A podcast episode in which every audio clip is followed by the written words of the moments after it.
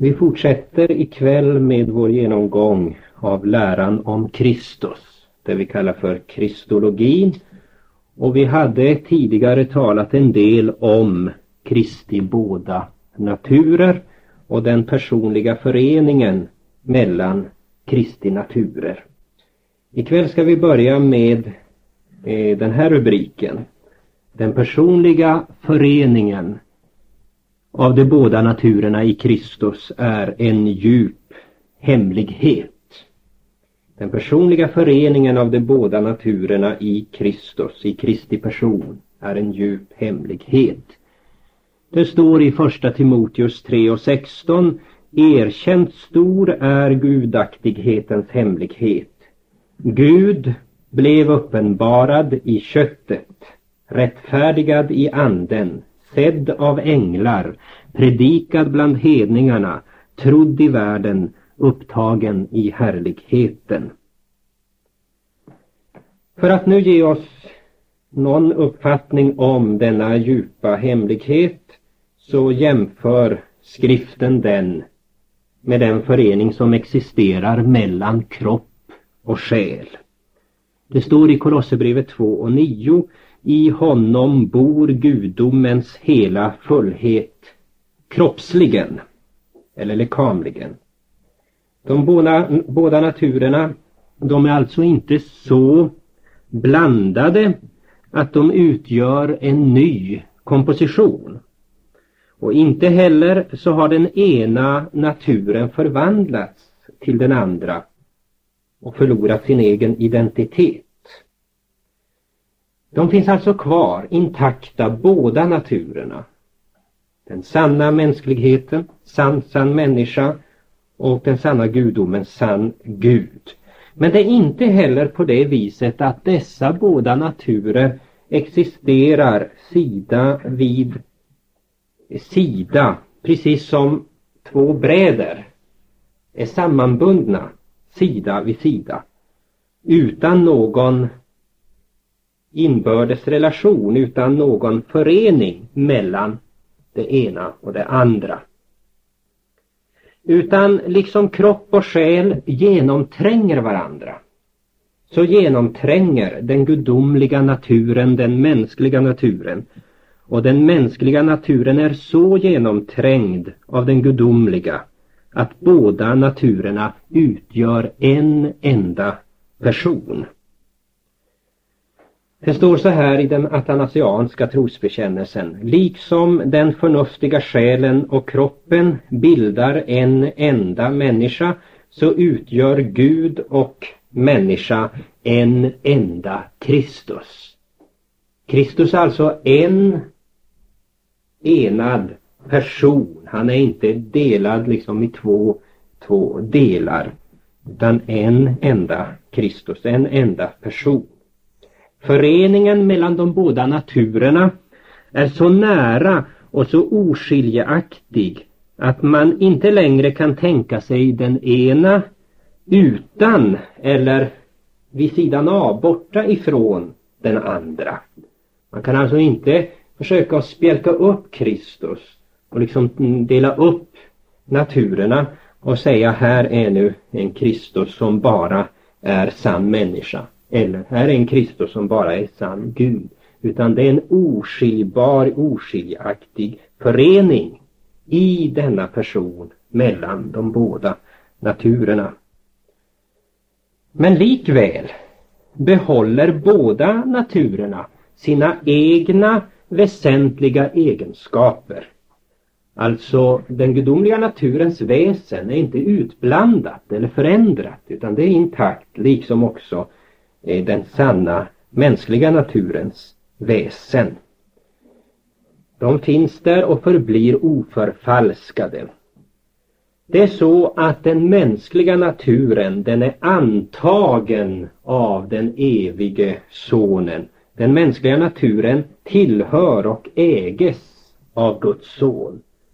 Och där därför Guds son, den gudomliga naturen är, där är likaså människosonen, den mänskliga naturen. Och allt sedan ordet blev kött, Johannes 1 och 14, så är köttet inte utan ordet och ordet inte utan köttet. De båda naturerna är oskiljbara fastän de är olika. Det finns ju en del som tänker sig det hela så att när Jesus uppstod så lämnade han sin mänskliga natur bakom sig på något vis. Det är alltså helt falskt utan de båda naturerna är all sedan den stund när, när ordet blev kött oskiljaktigt förenade och kommer så att förbli i all evighet. Och då ska vi ställa frågan hur och när åstadkoms den personliga föreningen? Hur och när åstadkoms den personliga föreningen? Ja, skriften säger ju att köttet blev inte Gud. Det var inte så att köttet blev Gud utan skriften säger att ordet blev kött. Jesus var inte bara eller blott och bart för ett antal år en människa som sedan upphöjdes till Gud. Det var inte så att köttet blev Gud, utan ordet blev kött. Johannes 1 och 14. Gud sände sin son, född av en kvinna. Galaterbrevet 4.4. Gud sände sin son och denne son blev kött, antog mänsklig natur, det vill säga föddes av en kvinna. Och den personliga föreningen kom till stånd på det sättet att den evige Guds son antog och införlivade i sin gudomliga person en annan natur, nämligen den mänskliga. Och det hände när Jesus avlades. Det talade vi om nyligen. Eh, Jungfru Marie bebådelsedag, Lukas 1.35 talar ju om detta. Genom ett under så avlas Kristus i en jungfrus liv genom den helige Ande utan mans medverkan och Marias ofödda foster kallas Herren, Kyrios, Herren, Lukas 1.43. Och inte någon gång, inte ens vid Jesu död, existerade den mänskliga naturen utanför eller skild från ordet. Utan från den mänskliga naturens första stund hade den sin existens i Guds sons person och så kommer det att förbli i all evighet. Och på grund av den personliga föreningen mellan den gudomliga och den mänskliga naturen i Kristus så är det helt riktigt att säga inte bara att Kristus är Gud utan man kan också säga att Kristus är människa. Jämför första Timoteus 2.5 man kan också säga om honom, denna människa är Gud. Eller, Människosonen är Guds son. Jämför Matteus 16, 13-17. Och man kan säga Gud är människa. Jämför Johannes 1, 14. Och vi kan citera följande ur de lutherska bekännelseskrifterna, Concordieformeln, artikel 8 som handlar just om, om Kristi person. Därför tro, lära och bekänna vi att Gud är människa och människan Gud, vilket icke kunde vara förhållandet om den gudomliga och den mänskliga naturen icke verkligen och i sanning hade någon förbindelse med varandra. Svenska kyrkans bekännelseskrifter, sidan 525. Så ska vi gå in på en sak som kanske inte är så lätt men eh, jag ska försöka att förklara det så enkelt det nu eh, kan gå. Det är ämnet gemenskapen mellan de båda naturernas egenskaper. Gemenskapen mellan de båda naturernas egenskaper. På grund av den personliga föreningen mellan de båda naturerna i Kristus så kan vi också tala om gemenskapen mellan de båda naturernas egenskaper. Eller med ett fint ord, idiomata. Egenskap idiom, idiomata. Jag nämner det ordet för att vi lättare ska förstå en del konstiga ord som kommer här i fortsättningen. Man kan här tala om tre slag när det gäller just egenskapernas meddelelse eller gemenskap. Det idiomatiska slaget, det majestätiska slaget och, och det apotelesmatiska. Inte så svårt som det låter.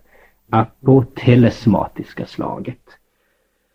Jag ska försöka närmare förklara vad som menas med dessa tre slag av gemenskap mellan naturernas egenskaper och börjar då med genus idiomaticum som den latinska termen lyder. Det idiomatiska slaget av gemenskap. Vad menas med det? Ja, denna form av gemenskap mellan egenskaperna föreligger när egenskaper och handlingar som tillhör endera naturen tillskrivs hela Kristi person. Helt oberoende av om Kristus beskrivs utifrån båda naturerna eller utifrån endera av dem. Ett idiom, alltså en egenskap som tillhör endera av de båda naturerna. Alltså till exempel en egenskap som är, är kännetecknet på människan. Inte på Gud utan på människan. Till exempel att lida, att dö. Att den egenskapen då tillskrivs eh, Kristi gudom eller hela Kristus.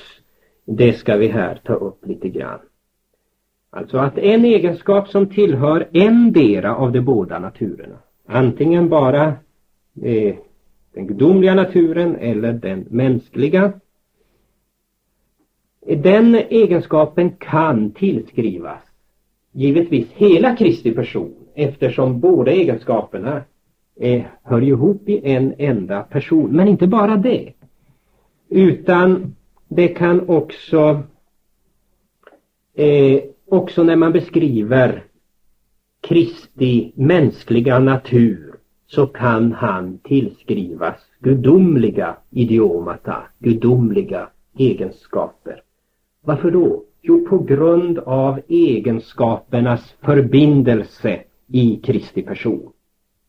På samma sätt kan mänskliga idiomata, mänskliga egenskaper tillskrivas Kristus när vi talar om Kristus såsom eh, sann Gud. När vi talar om Kristus utifrån hans persons gudomliga natur. Och det här ska vi nu försöka belysa. Vi kan ta följande exempel. En person består av både kropp och själ. Och var och en av dessa har sina särskilda egenskaper. Man kan räkna upp egenskaper som bara hör ihop med kroppen och egenskaper som bara hör ihop med själen. Men eftersom både kropp och själ tillhör samma person så tillskriver man hela personen egenskaperna hos antingen kroppen eller själen. Man kan till exempel säga eh, Edvardsson väger 75 kilo. Och det kan ju egentligen bara sägas om hans kropp. Inte sant? Men man, man tillskriver det hela hans person. Eller man kan säga Edvardsson är lycklig och glad. Vilket bara kan tillskrivas hans själ. Kristus har två skilda naturer, en mänsklig och en gudomlig. Var och en med sina egna väsentliga egenskaper, alltså egenskaper som hör till just eh, väsendet Gud eller väsendet människa sina egna funktioner och aktiviteter. Men eftersom båda naturerna tillhör samma person så kan egenskaperna hos endera naturen tillskrivas hela personen. Några exempel. Det står Kristus föddes av Fadern av evighet. Ja, då vet vi ju att det gäller om hans gudomliga natur, den evige sonen. Människan är inte av evighet. Utan den antogs ju i tiden när eh, eh, Maria blev havande. Det heter att Kristus föddes av jungfrun Maria när tiden var fullbordad. Ja, det vet vi att det, det gäller om den mänskliga naturen. Den gudomliga naturen är ju av evighet. Men efter, på grund av den personliga föreningen så, så kan man alltså säga det med rätta om hela personen, om Kristus. Man kan säga Jesus var 30 år gammal. Så står det till exempel i Lukas 3.23. Ja, det vet du vad, enligt sin mänskliga natur. När det gäller hans gudomliga natur så kunde han själv säga innan Abraham var till är jag. Johannes 8, 58. I Athanasianum så heter det helt riktigt Kristus är jämlik Fadern efter den gudomliga naturen. Ringare än Fadern efter den mänskliga naturen. Man kan alltså säga om Kristus, han är jämlik Fadern. Man kan säga om Kristus, han är ringare än Fadern. Han är nämligen jämlik Fadern efter den gudomliga naturen. Han är ringare än Fadern efter den mänskliga naturen. Men Bibeln kan också beskriva Kristus utifrån den ena naturen och samtidigt tillskriva honom den andra naturens egenskaper. Beskriva Kristus utifrån den ena naturen. Till exempel beskriva Kristus såsom Gud men tillskriva denne Gud människans egenskaper och tvärtom. Beskriva Kristus såsom människan men tillskriva denna människa gudomliga egenskaper. Det heter till exempel Guds son är född av Davids säd efter köttet. Guds son. Ja, han är ju född av evighet. Det är ju hans mandom som är av Davids säd. Men det som gäller om honom såsom människosonen tillskrivs alltså honom såsom Guds son, såsom den eviga sonen. Romarbrevet 1 och 3. Eller det står Apostlagärningarna 3.15 Judarna dödade livets förste och korsfäste härlighetens herre. Det kan alltså sägas om eh, den mänskliga naturen, den led, den dog.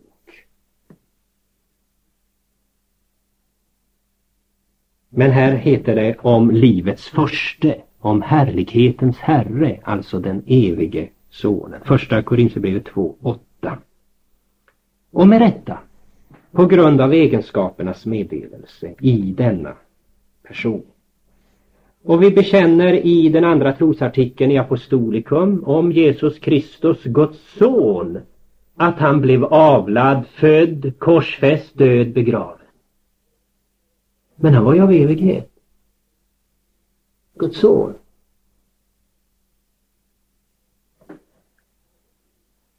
Det som alltså gäller om Kristus såsom sann människa tillskrivs honom såsom Guds son.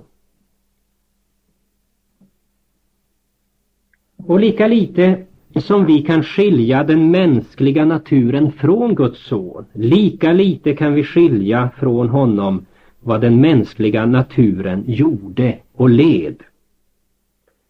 I andra texter så benämns frälsaren efter sin mänskliga natur samtidigt som han tillskrivs egenskaper som egentligen tillhör hans gudomliga natur. Jag ska ge ett exempel, Johannes 6.62. Vad skall ni då säga om ni får se Människosonen uppstiga dit där han förut var? där han förut var. Ja, men det var inte Människosonen. Hans mandom, den antog han ju i jungfruns liv. Utan där han förut var. Det gäller ju om honom till hans gudomliga natur. den evige sonen. Han var där förut, redan innan han antog människonatur. Men ändå så sägs det om människan, Kristus, människosonen. Ni ska få se honom uppstiga dit där han förut var. Hur kan den egenskapen som gäller om honom såsom sann Gud av evighet tillskrivas den andra naturen? Den som inte är av evighet, den som antogs i jungfruns sköte.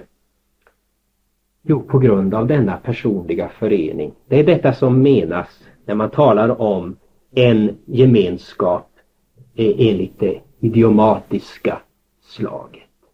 Alltså egenskaper som hör ihop med den ena naturen kan tillskrivas dels hela personen, dels också den andra naturen.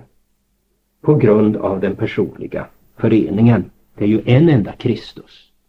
Vad som gäller om honom som sann Gud gäller om honom i sin helhet och också tillskrivs den andra naturen på grund av föreningen. Och av detta följer inte att det som tillskrivs hela personen måste vara båda naturernas inneboende egenskaper. Nej, för då skulle det innebära att egenskapen har förändrats, förstörts, uppblandats. Nej, de är fortfarande intakta. Kristi båda naturers väsen och egenskaper för att citera bekännelseskrifterna, är och förblir utan sammanblandning och förvandling. De förvandlas inte, liksom blir korsat på något sätt så det är varken Gud eller människa. Men eftersom de båda naturerna utgör blott en person så tillkommer det som väl är blott den ena naturens egenskap dock inte blott denna natur såsom avskild utan detta tillkommer hela personen som på en gång är Gud och människa. Konkordieformen artikel 8. Gudomliga ting tillskrivs hela Kristi person enligt den gudomliga naturen och mänskliga ting tillskrivs hela Kristi person enligt den mänskliga naturen. Ja, var det här krångligt? Går det runt i huvudet? Jag får väl begrunda det här och, och lyssna på bandet om och om igen. För att det kan låta krångligt när man hör det första gången. Men jag tror att så småningom när man får höra det så får man en ökad klarhet och insikt i dennas djupa hemlighet, Kristi person. Och nu ska vi då gå in på det andra slaget när det gäller föreningen av egenskaperna som kallas för genus majestaticum. Det majestatiska slaget av gemenskap mellan egenskaperna. Och vad menas med det? Jo, att den mänskliga naturen genom den personliga föreningen och naturernas gemenskap blivit delaktig av den gudomliga naturens egenskaper av den gudomliga naturens majestät och härlighet. Och här tar vi återigen en bild. Den mänskliga kroppen, den är i sig själv död. Men när den förenats med den levande själen så ger denna själ liv åt kroppen. Men därigenom blir inte själens liv förminskat eller delat utan det förblir intakt. Och vi kan också konstatera att detta liv vissa tider syns mindre, framträder mindre än vid andra tider. Till exempel när Stefan sover så syns hans liv mindre än när han är vaken. En del människor sover så att de ser nästan döda ut. Det inte finns något liv alls.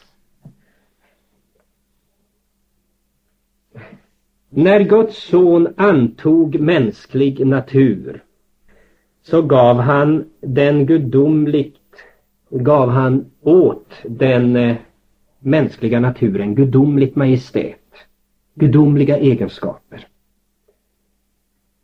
Men inte på det sättet att det gudomliga majestätet, den gudomliga naturen där utblottar sig, blir lite mindre på majestät. Man liksom har givit ifrån sig åt den mänskliga naturen ungefär så här mycket och då fattas det så här mycket i det gudomliga.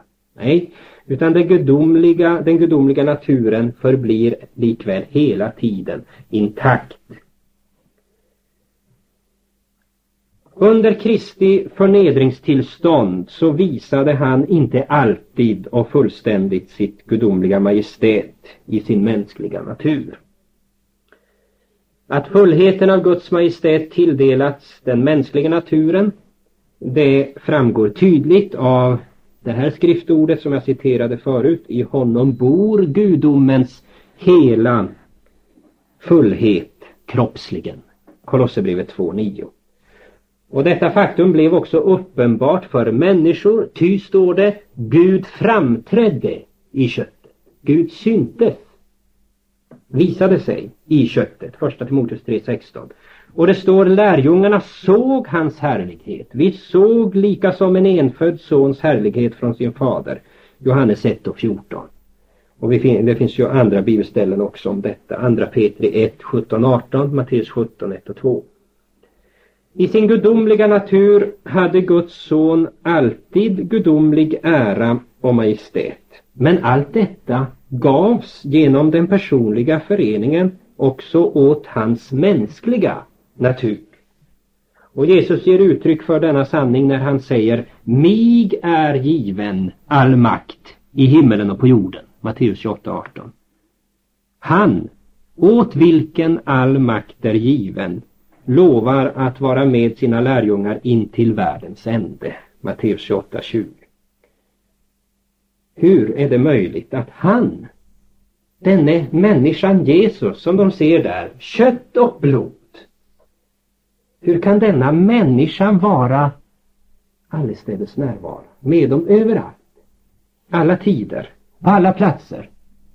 Jo, till följd av den personliga föreningen mellan de båda naturerna i Kristus blev den mänskliga naturen allsmäktig och allestädes närvarande. Mig är given all makt. Han har all makt, denna människa, och han jag är med er överallt. Alla dagar. In till världens ände. Allestädes närvarande.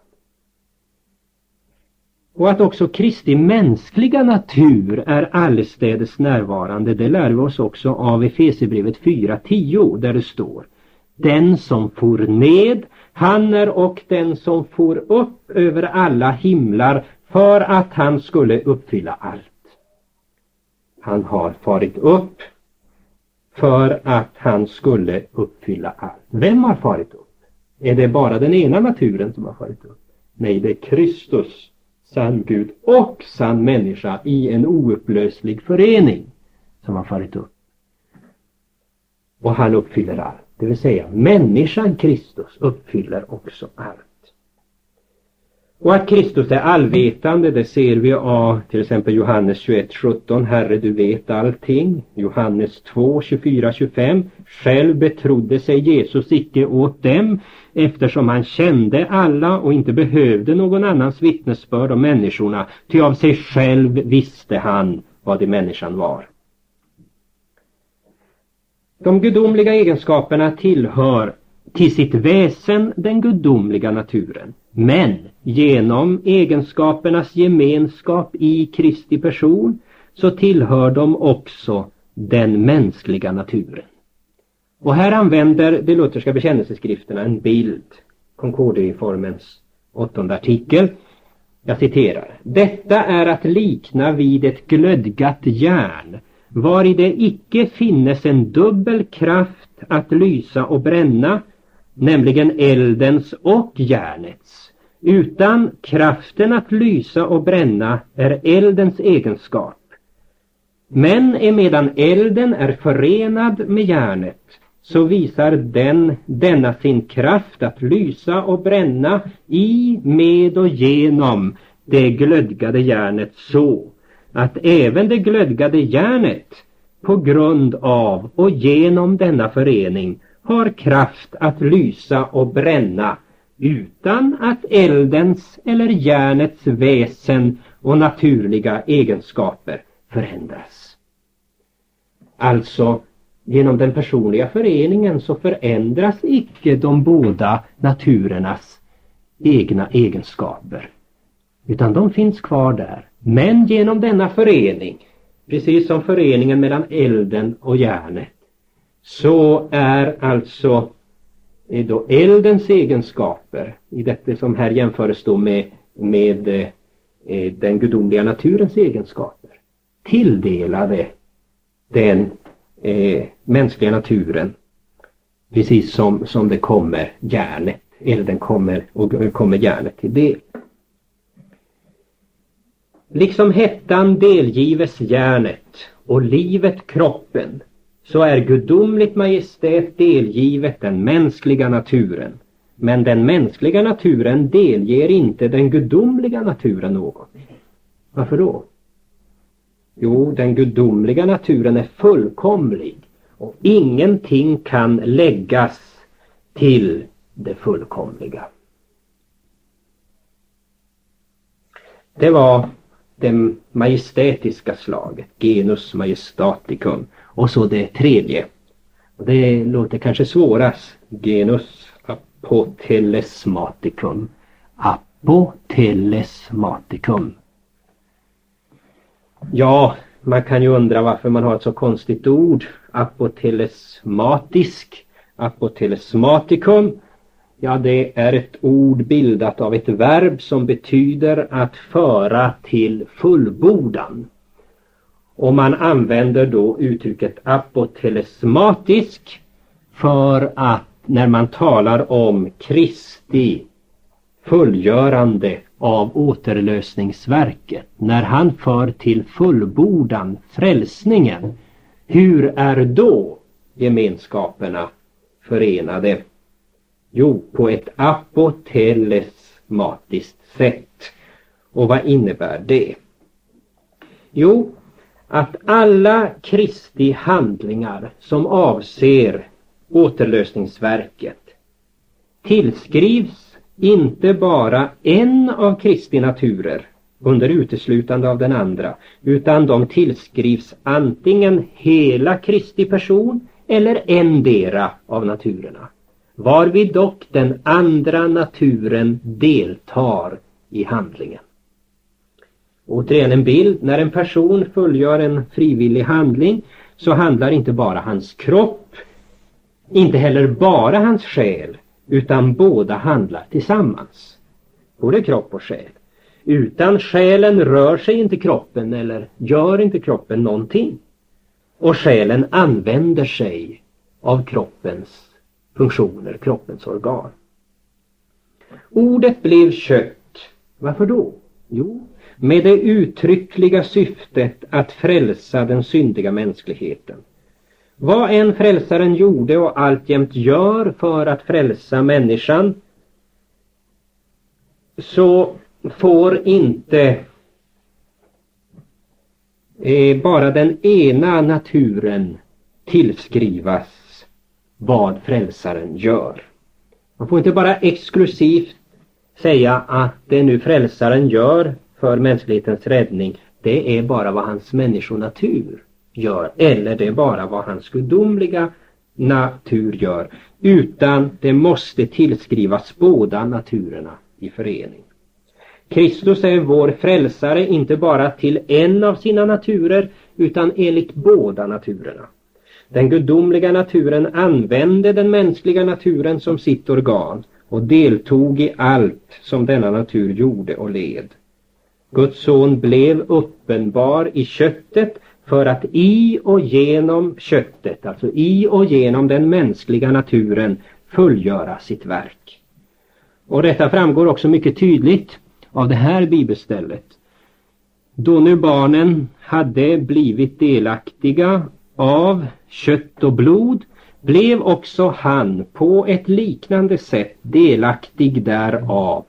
Varför då? I vilket syfte? Jo, för att han, och han syftar alltså på sonen, genom sin död, det vill säga som han utstod i sin mänskliga natur, skulle göra dens makt om intet som hade döden i sitt våld det är djävulen. Hebreerbrevet 2.14. Och i Galaterbrevet 4, 4, 5 heter det när tiden var fullbordad sände Gud sin son. Alltså den eviga gudom, gud, evige guden eller den evige gudssonen. Född av kvinna och ställd under lagen. Varför då? För att han skulle friköpa dem som stod under lagen så att vi skulle få söners rätt.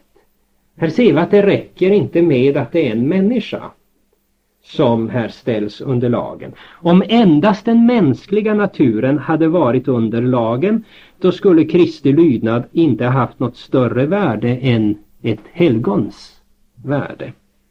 Men texten säger oss att det var Guds son som blev människa och att Guds son i och med sin mänskliga natur uppfyllde lagen för oss. Så var det alltså inte heller bara den gudomliga naturen som uppfyllde lagen.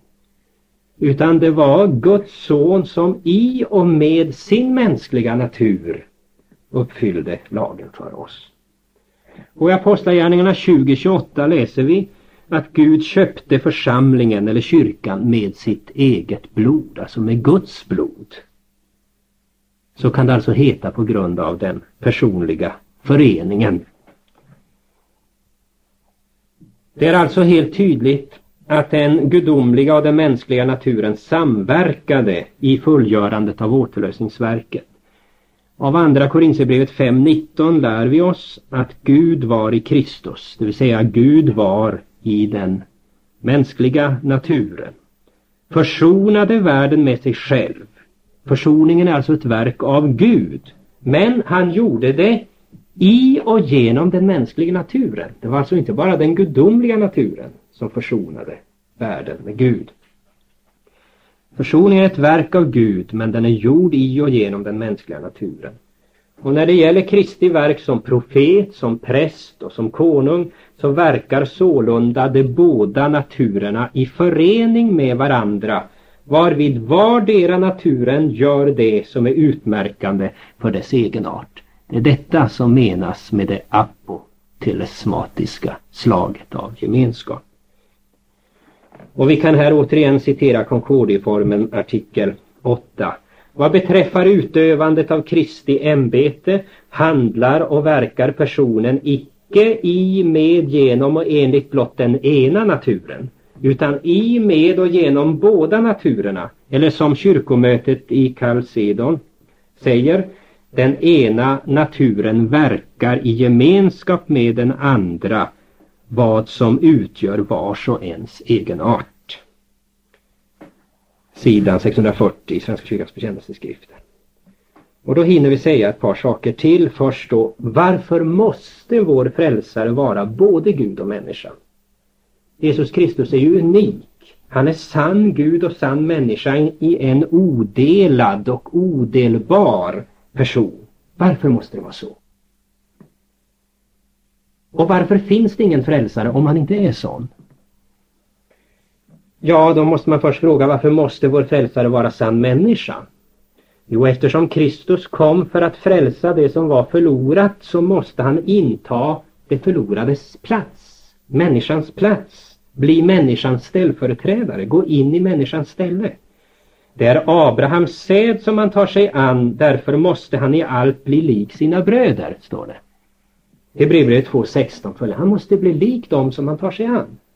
För att återlösa människan så måste han nu göra två ting och båda dessa ting krävde att han var sann människa.